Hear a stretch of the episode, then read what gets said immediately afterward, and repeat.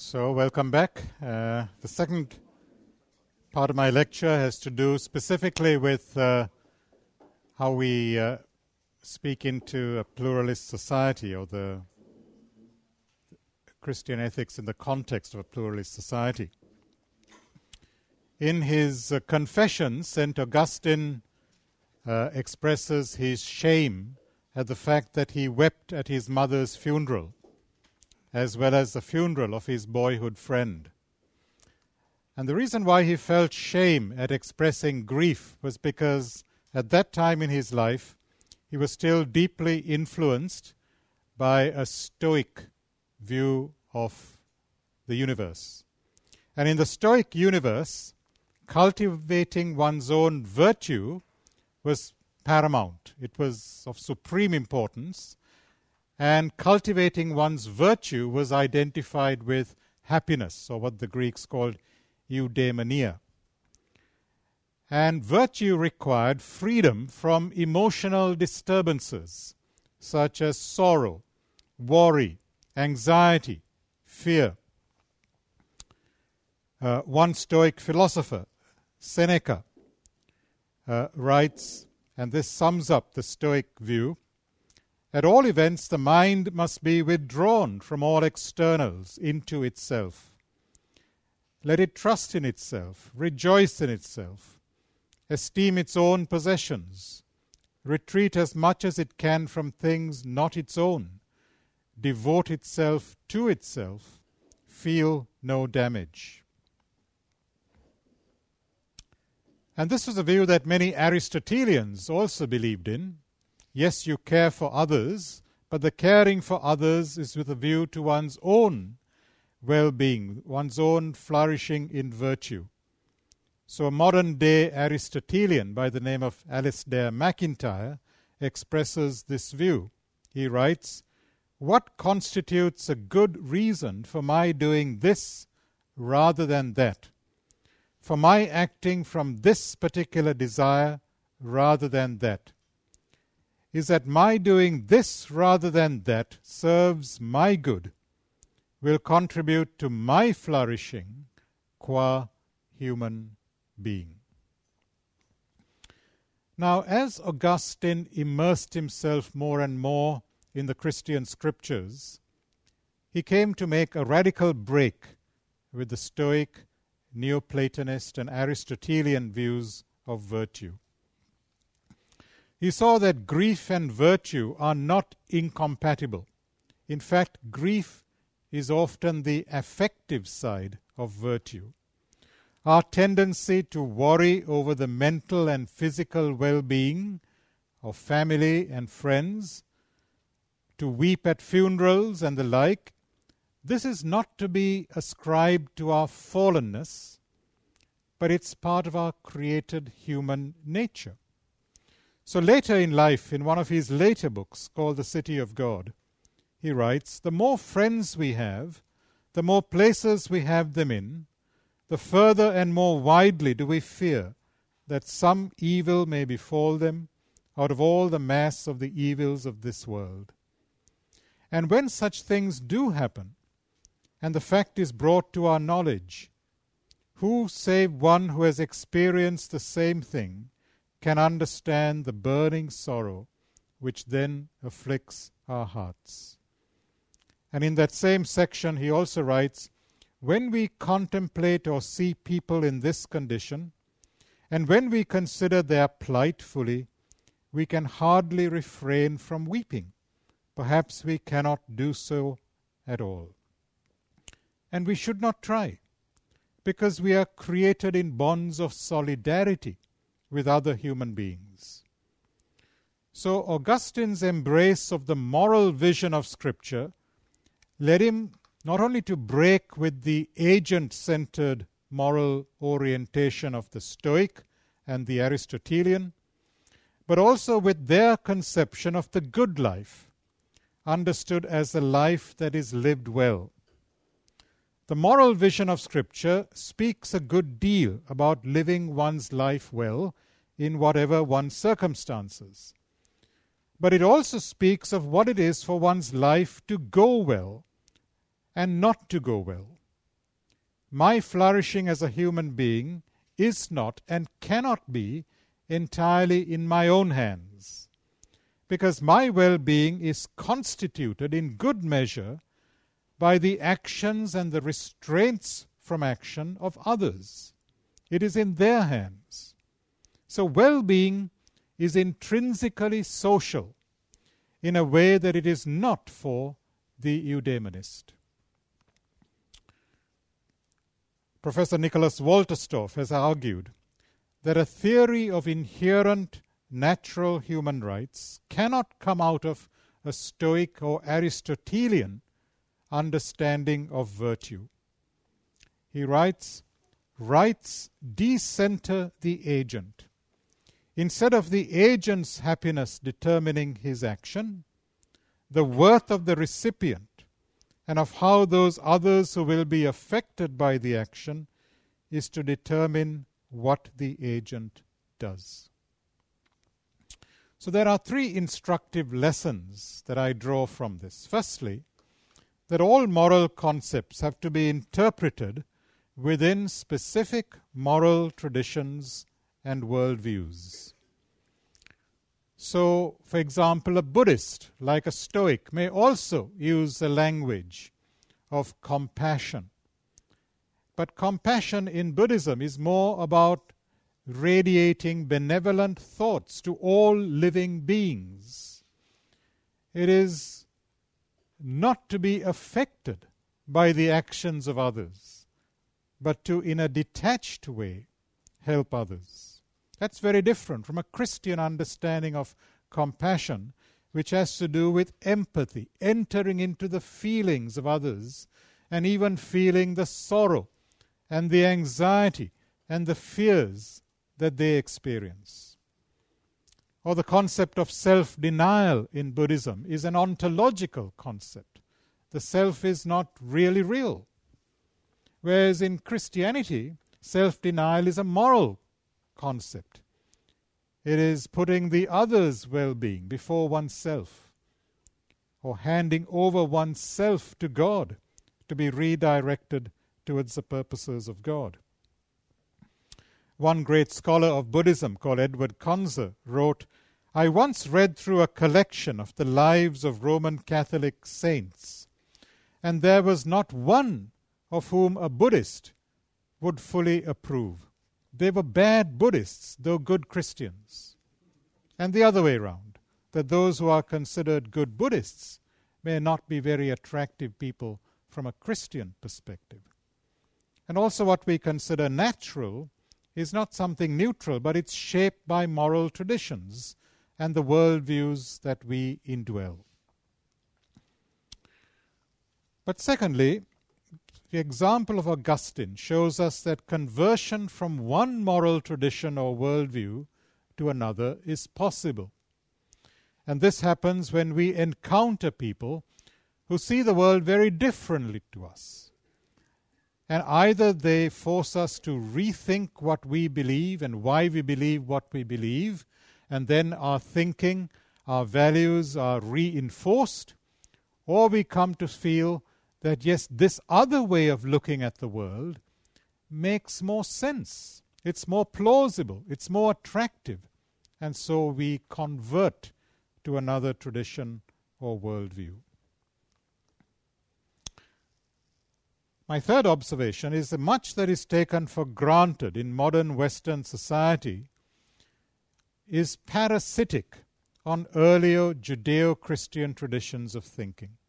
For example, the whole concept of natural human rights, which, as Wolterstorff says, could never have emerged from Stoic or Aristotelian ways of thinking, but has a Jewish and Christian provenance. At the same time, Roger Trigg, a British philosopher, notes the language of equality, non discrimination, and human rights in general fills a vacuum left, at least in Europe, by the decay of institutional Christianity. It can be proclaimed with a kind of dogmatism associated with the worst elements of religion, with little appeal to reason or justification. So you ask people, why do you believe that a Down syndrome child is equal in dignity, should be treated in, as of equal value to a Beethoven or an Einstein, how would they answer? So, there are two questions that I want to address in this lecture. What kind of democratic polity should we be seeking in pluralist societies? And secondly, how should the church interact in the public sphere in such societies? Some of us can choose where we live, but we usually cannot choose with whom we live. We belong to societies, we don't merely live in them. And societies are neither hotels nor airport transit lounges where strangers brush past each other using common facilities that others have built for their individual journeys. They are more like homes that we build together, in the words of Rabbi Jonathan Sacks. Sacks goes on to declare what we build should be the central topic of the democratic conversation. A conversation scored for many voices, covering many subjects, but unified around the question what kind of society do we seek to create for the sake of our children and grandchildren not yet born? Isn't it an illusion to think that we can have a democratic society based purely on constitutions and formal procedures and not pay any attention to the moral formation of its individual citizens? The kind of people we are and become shapes the kind of society we have. But it's also true that the kind of society we live in shapes what kind of human beings we become. Honesty and integrity are the presupposition of public life, they are not the product. The parties to an agreement must already have a sense of what is right and a willingness to abide by it even when it goes against their own economic interests. A contract is no contract at all if it is kept only when it is convenient for me to do so. Also, if elected representatives and officials cannot be trusted to be concerned with our interests, then faith in democracy will wither. The Canadian thinker Charles Taylor reminds us that democratic societies require a much higher level of solidarity and mutual commitment to one another in joint political projects than authoritarian or despotic societies. He writes, Citizens have to do for themselves, as it were, what otherwise the rulers would do for them. But this will only happen if these citizens feel a strong bond of identification with their political community, and hence with those who share with them in this. So, moral outrage, feeling moral outrage at the unjust suffering of others, and a sense of human solidarity are paradoxically the assumptions on which a liberal democracy rests. Personal character counts. And there are some secularist and religious traditions that frankly do not encourage the kind of moral character that encourages a sense of outrage at the suffering of innocent others, or that values social justice. Two or three decades ago, a, a famous Indian sociologist called Rajni Kothari wrote a letter to the Times of India, a prominent Indian newspaper. And in that letter, he lamented, and I quote from it as I talk to my friends, my relatives, my professional colleagues today, I get a feeling of total ignorance of the other India. When in fact they are forced to take note, such as when they walk through the pavements on which people are sleeping, there is a feeling of revulsion, of rejection, of contempt, not of compassion, empathy, and least of all, any sense of guilt.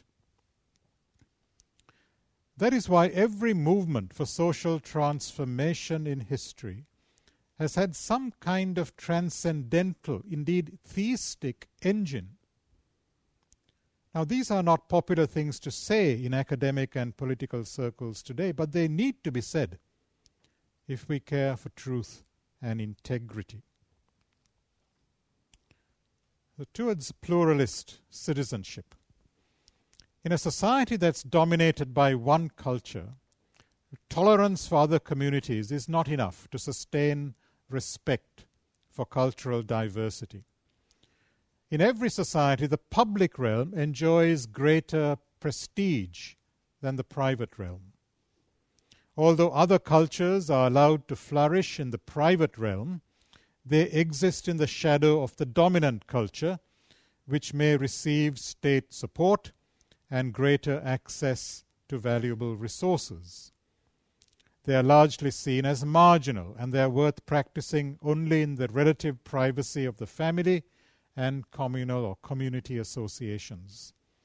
So many young people from these minority cultures will face enormous pressure to assimilate to the dominant culture, or else they internalize their inferior status and they retreat into ghettos, and these then become breeding grounds for violence. It's a principal task of government to balance the various claims of individuals, for example, their civil liberties, their civil rights, and those of associations and communities. Also, it is the task of government to weigh multicultural claims against the wider claim of the public good, such as social cohesion. There is no single formula or procedure that can be applied mechanically to every society. Every multicultural society needs to devise its own political structure that suits its history, its moral traditions, and the range and depth of diversity within it. A common public culture is not one in which everyone believes the same thing, but one in which everyone has equal status in cooperatively determining a way of life in common. A common public culture cannot be imposed by the state or by the dominant cultural community. It can only come from below through processes of dialogue and negotiation and compromise. But one of the important functions of the state at both local and national levels is to encourage the conditions that make such conversations and negotiations possible. Some of these conditions are legislative, for example, equal protection for all under the law, or official recognition of minority languages. But most will have to do with the way that civil society institutions function. For example, a fair and responsible mass media to which all members of all communities have access, or public schools and universities where people from all communities can freely interact with one another. This leads me to consider the whole area of faith and public reasoning. Debates about the role of religion in public life are context sensitive. In Europe, multiculturalism and religious diversity are interwoven with the politics of immigration, especially from former colonies since the 1950s and 1960s. European political liberalism has been forced to question its own commitment to multiculturalism in view of the increasing Islamic presence. An illiberal version of liberalism is threatening to emerge, one which aggressively seeks to outlaw all religious speech and the public display of religious symbols as well as refusing to acknowledge the huge Christian contribution to the making of liberal institutions and the European identity itself. By contrast, debates that rage in the Indian subcontinent have to do with the changing identities and political claims of people who speak different languages, observe different faith traditions, and who have occupied well defined territorial spaces for many hundreds of years. So there's a wholly different flavor to the debates, even though the same political terms such as secularism, pluralism, equality, and so on are employed. It's to the German social thinker Jürgen Habermas that we owe the commonplace usage of the term the public sphere or the public square.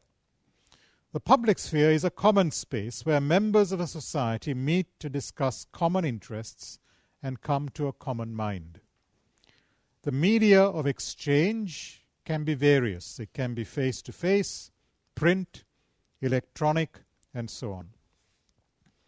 Habermas offered a genealogy in which the 18th century European literary public sphere informed the development of a public sphere of rational critical debate that gave individuals in civil society a way to influence politics.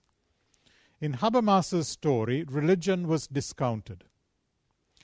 But a less narrow minded genealogy will point out that the language of liberty was nurtured in the early modern period in European cities and in the New England townships of the American colonies by congregations of Protestant dissenters, most notably Calvinists and Puritans.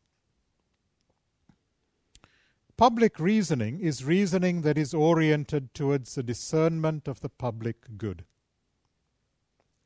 Christians should seek to multiply the voices that are involved in such public conversations, not to reduce their number. And in every community, ethnic or religious, it is customary for women, the disabled, and those who are not well educated to be either ignored or deliberately silenced. It's important that those who are most affected by an issue under consideration be provided the space to make their voice heard. Since decisions about law or public policy in a liberal democracy have to command the consent of people who hold a wide range of moral traditions, who indwell a wide range of worldviews, simply quoting a particular religious authority, whether the Bible or the Quran or the Pope, will not persuade others in a pluralist environment. So, influential philosophers such as John Rawls and Habermas himself have claimed, especially in their earlier writings, that political legitimacy in a liberal democracy requires that public debate or public deliberation be conducted in a common secular language. As citizens deliberate together, they are best guided, according to Rawls, by what he calls a political conception of justice that they can all endorse, and by what he calls a public reason, meaning that they only present concepts and arguments that other reasonable citizens find intelligible even if they may disagree. If they try to introduce reasons that are grounded in their own worldviews and moral traditions, what he calls comprehensive doctrines, parts of those will not be translatable into reasons to which other people who do not share those worldviews would accept. Now, Rawls understood this as a duty of civility that followed from the legitimacy of the liberal democratic state. A public reason so defined will thus be one that makes sense to any reasonable citizen, and that is open to examination by any such citizen, regardless of their moral or religious traditions. It enjoys the status of a universal Esperanto that everybody understands and can argue in while theological or religious concepts and arguments can only be presented by invoking some religious text or a mystical experience, and so these become sectarian, obscurantist, and they lack any rational basis. So give you, let me give you one example from Barack Obama. This was before he became president. Obama writes Democracy demands that the religiously motivated translate their concerns into universal rather than religion specific values. It requires that their proposals be subject to argument and amenable to reason. I may be opposed to abortion for religious reasons, but if I seek to pass a law banning its practice, I cannot simply point to the teachings of my church or evoke God's will. I have to explain why abortion violates some principle that is acceptable to people of all faiths, including those with no faith at all. However, in a participatory democracy, we need to be open to our fellow citizens concerning the deep sources of how they think about moral and political issues. And people often want to know what our faith convictions are, just as we need to learn from others what they think are important, which may even be a challenge to us. So Rawls and his followers, like Obama, seem to be excluding the possibility of people being fundamentally challenged by others and even being persuaded by the merits of another's position, even when they are not presented in terms with which we are or they are familiar.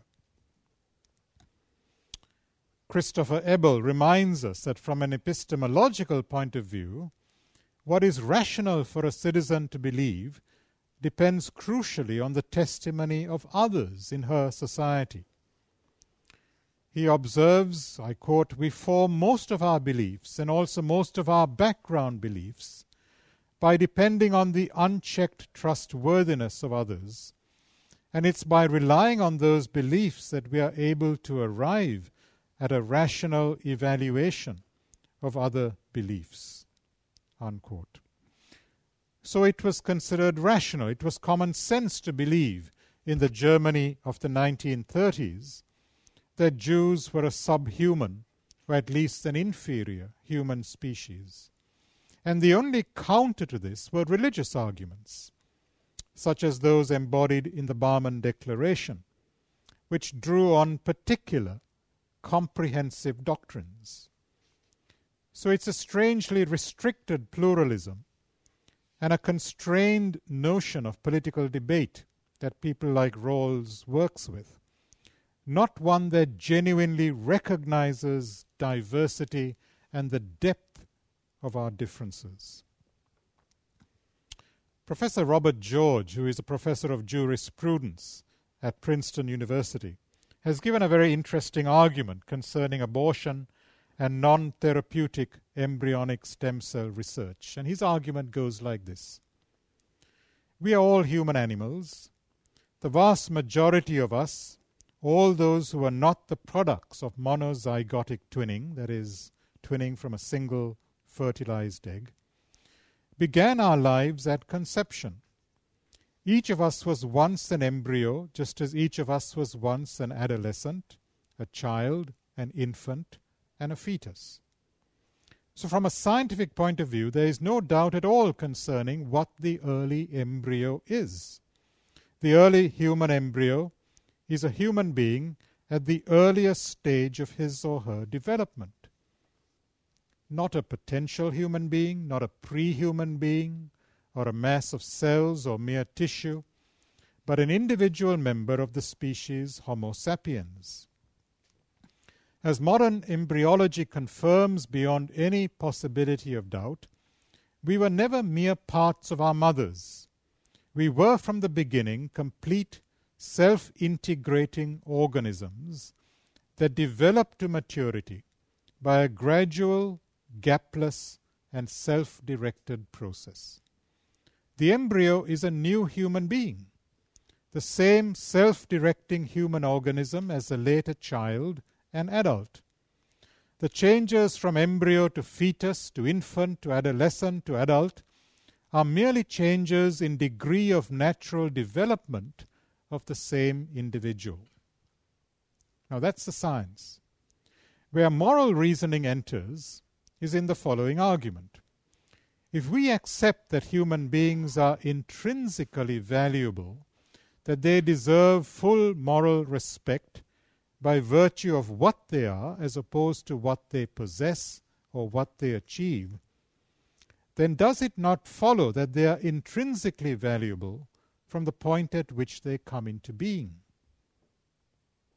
In that case, embryo destructive research for putative benefits to others and the abortion of fetuses either for social convenience or because they are defective in some way would be a violation of the most fundamental human right, namely the right to life of innocent human beings. So notice that Robert George, who is a practicing Roman Catholic, is giving here a religious argument. But what makes it religious is not the use of so called religious language. There is no religious language that he's using. What makes it a religious argument is his religious motivation and the way he situates the argument within a much wider, a bigger framework of moral thinking. In fact, the whole argument of human rights is fundamentally a religious argument. So, responding to widespread criticism of his illiberal demand, John Rawls, to his credit, softened his stance and limited his public reason argument to courts of law and government bureaucracies. Jürgen Habermas has also undergone something of a, a conversion or partial conversion in recent years. Having ignored religion in his historical account of the development of the public sphere and the organization of modern society, he has come to recognize the role of religious movements and religious voices in the formation of the secular realm. And he's become an outspoken defender of their contribution to the development of human solidarity, as well as in critiquing oppressive social structures and the dominance of reductionist uh, scientism and so on.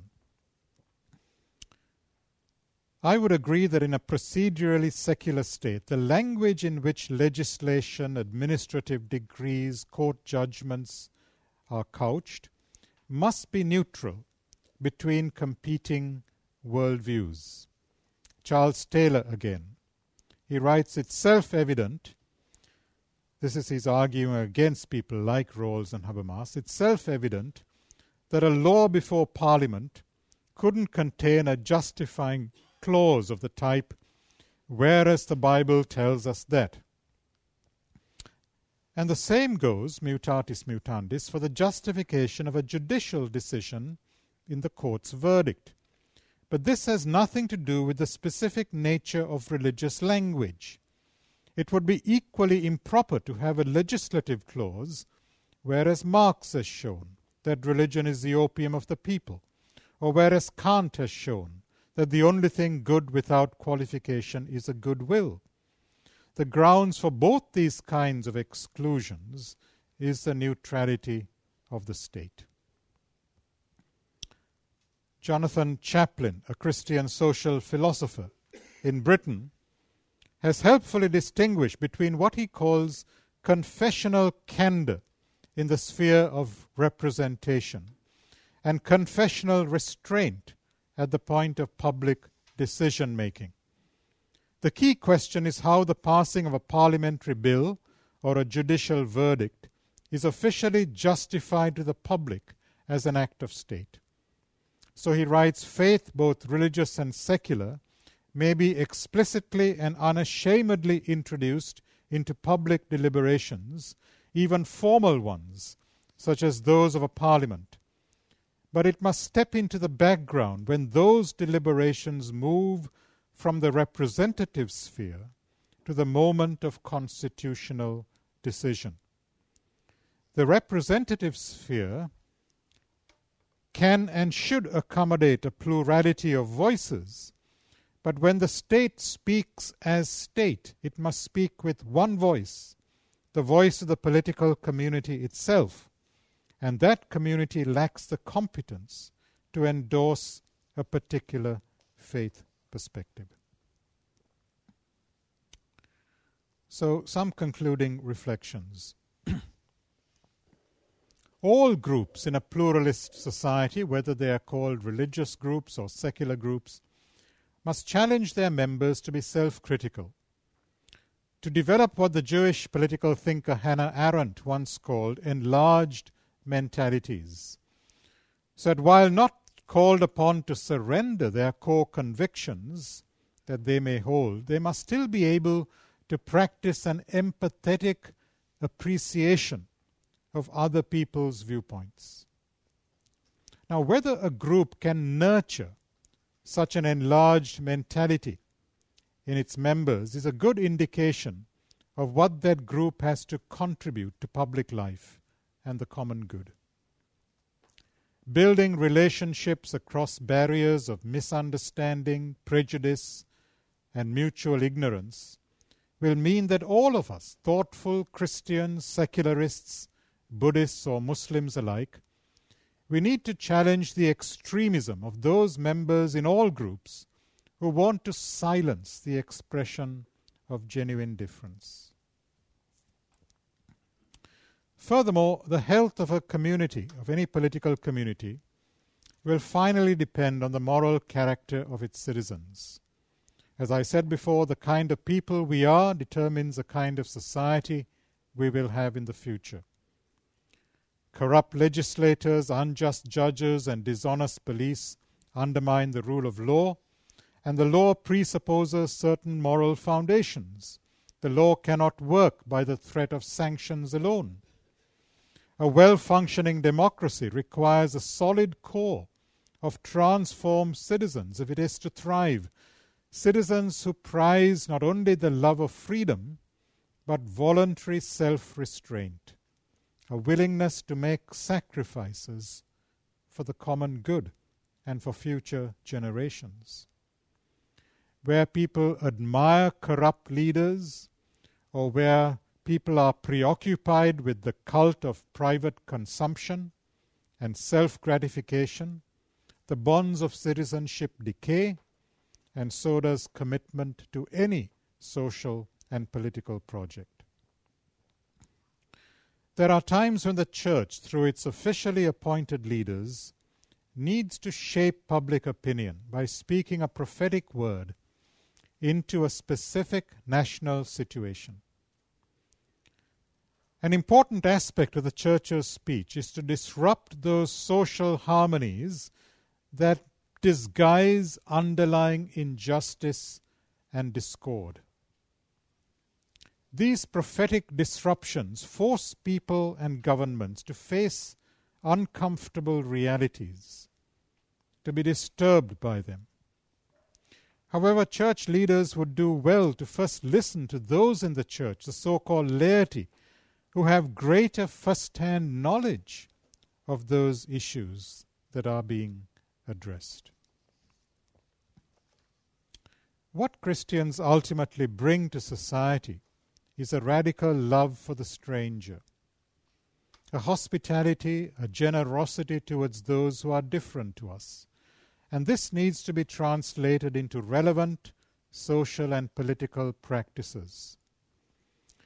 The church can only defend itself by defending others.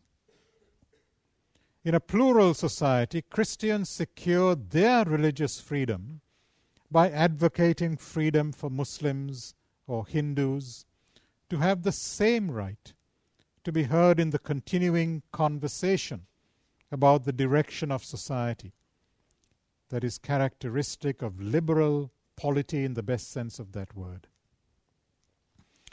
And finally, our primary identity as Christians rel- relativizes all our local and national identities without obliterating them. So, on any issue, we need to be asking not what is there in this for Denmark, or what is there in this for the USA, or for Sri Lanka, or for China, but is how does this affect the global common good? moving away from political indifference, from religious chauvinism, from utopian dreams of social harmony, Christians recognize the fragility, the provisionality, and indeed the, the fallenness of all our political arrangements. As Christians, we are sensitive to the way that the lust for power can subvert every quest for justice and freedom. And yet, we are also aware that in the good news of Jesus Christ and in the empowering work of the Holy Spirit, we have the resources to engage the public arena with hope as well as with humility. Thank you.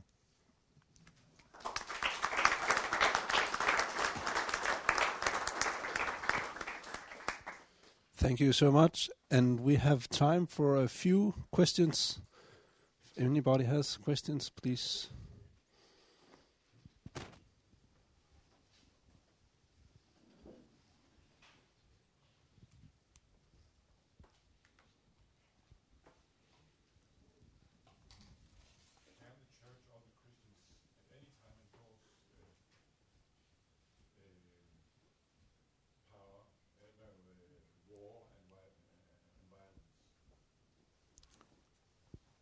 Well,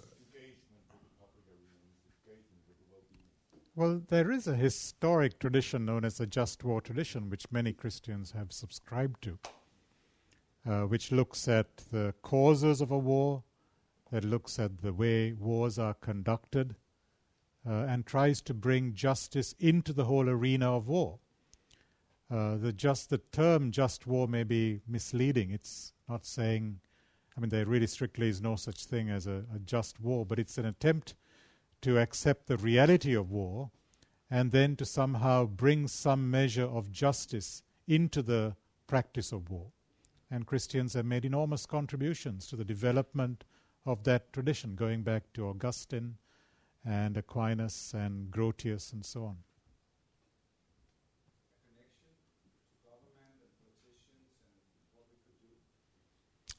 Well, I don't think it's true what you're saying that Christians have not engaged in politics. I mean, maybe the church as a church has not, and often the church cannot, as a church, directly engage. But I mean, individual Christians, I'm sure in this country, have been part of parliaments, have uh, worked to change laws to promote justice. I'm not familiar with your history, but I'm sure in every European country and um, but uh, I mean, uh, we mustn't just identify Christian political action with uh, just being in party politics. Politics is much wider than then just working through particular political parties. Every movement that uh, seeks to defend the rights of a particular community is engaging in political action whether that community is made up of a religious minority, disabled people, and so on. And, uh, and historically, Christians have been in the forefront. If you look at the history of the feminist movement, for example, there were many Christians in the early years in the 19th century, particularly in the USA, in Britain. I'm not that familiar with your history. So those are those are histories that we need to recover and teach in our churches what Christians have historically contributed to the development of political institutions.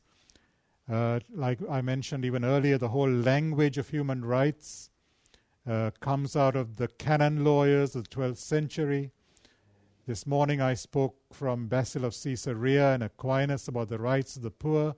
That rich Christian political tradition is largely ignored in our seminaries and our churches. And that's where I would want to begin by recovering that Christian theology, that Christian history, and teaching it. I would also want to point out the hypocrisy of those who say we should not be involved in politics because you benefit from the involvement of others in politics. Uh, if you're a woman if you were living in Denmark a hundred years ago, you would not be allowed entry into a Danish university. Today, that's a right you take for granted because others have fought for that right. So, if others have fought for rights and benefits that we now enjoy It is utter hypocrisy for us then to say, no, we should not get involved in politics because that's a, a dirty business. Church politics is often much dirtier than secular politics. And we are involved in that. The business world, maybe not in Denmark, but certainly in other countries, is, is dirtier than politics. And there are many Christians engaged in business.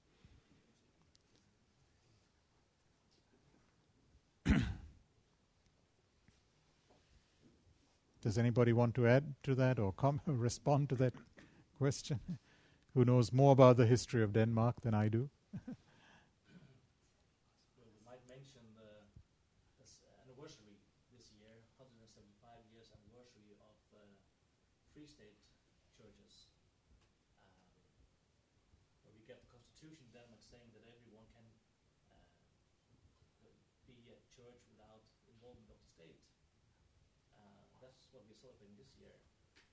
Yes. So uh, that was a liberty that was not allowed before. People were put in jail because of, of the restrictions before.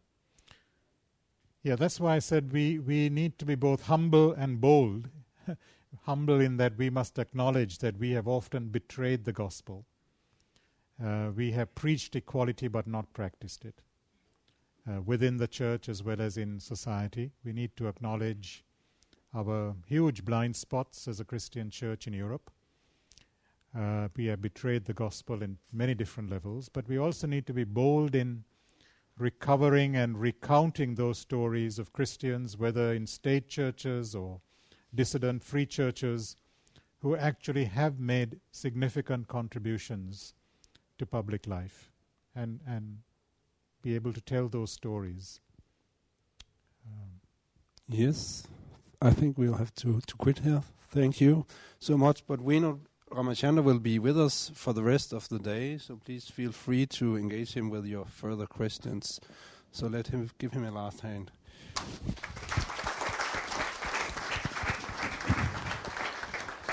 Ja, Ramachandra er forfatter til en række bøger, blandt andet en fire stykker, som I kan øh, komme herop og, øh, og se. Nu løfter jeg dem bare lige op. Der er en, der hedder Subverting Global Myths, Myths blandt andet. Ja, men de ligger heroppe, så værsgo og kig dem. Og så skal jeg bare sige, lige inden vi går til øh, frokost, at øh, herude på bordet, der ligger der nogle eksemplarer af Dansk Tidsskrift for Teologi og Kirke. Blandt andet et eksemplar, der har etik som tema, der vil være relevant i forhold til dagen i dag også. Så hvis I ikke abonnerer på tidsskrift eller har fået det, så er I meget velkommen til at tage et nummer og tage det med hjem, og så kan I overveje, om I skulle begynde at abonnere på det meget udmærkede tidsskrift. Men de ligger herude. Der ligger også en bog om missional kirke, som man kan købe. I kan betale nedenunder på kontoret. Og endelig der er blevet spurgt, om øh, det er muligt at få øh, Amachandras powerpoints, og det er det. Så øh, de bliver sendt til jer, eller I får sendt et, et link bagefter, så har I mulighed for det. Og det er også blevet optaget på video, og det kommer også ind på Torvs eller Menighedsfakultetets hjemmeside, så I kan se det der, hvis der lige var noget, I godt vil se eller høre en anden gang, eller synes nogen andre skulle have mulighed for at se. Og endelig så øh, kan vi lave en lille øvelse endnu i det her med multitasking, og det er nemlig, når vi nu skal have frokost, så prøv, vil jeg opfordre dig til at spørge hinanden det her spørgsmål meget enkelt. Hvad har du fået her i formiddag til at besvare dit spørgsmål? Altså den der case eller spørgsmål, I skrev ned først. Prøv at spørge hinanden. Hvad fik du til at besvare dit spørgsmål, mens I spiser jeres frokost? Men øh, værsgo nedenunder, og vi fortsætter heroppe klokken halv to.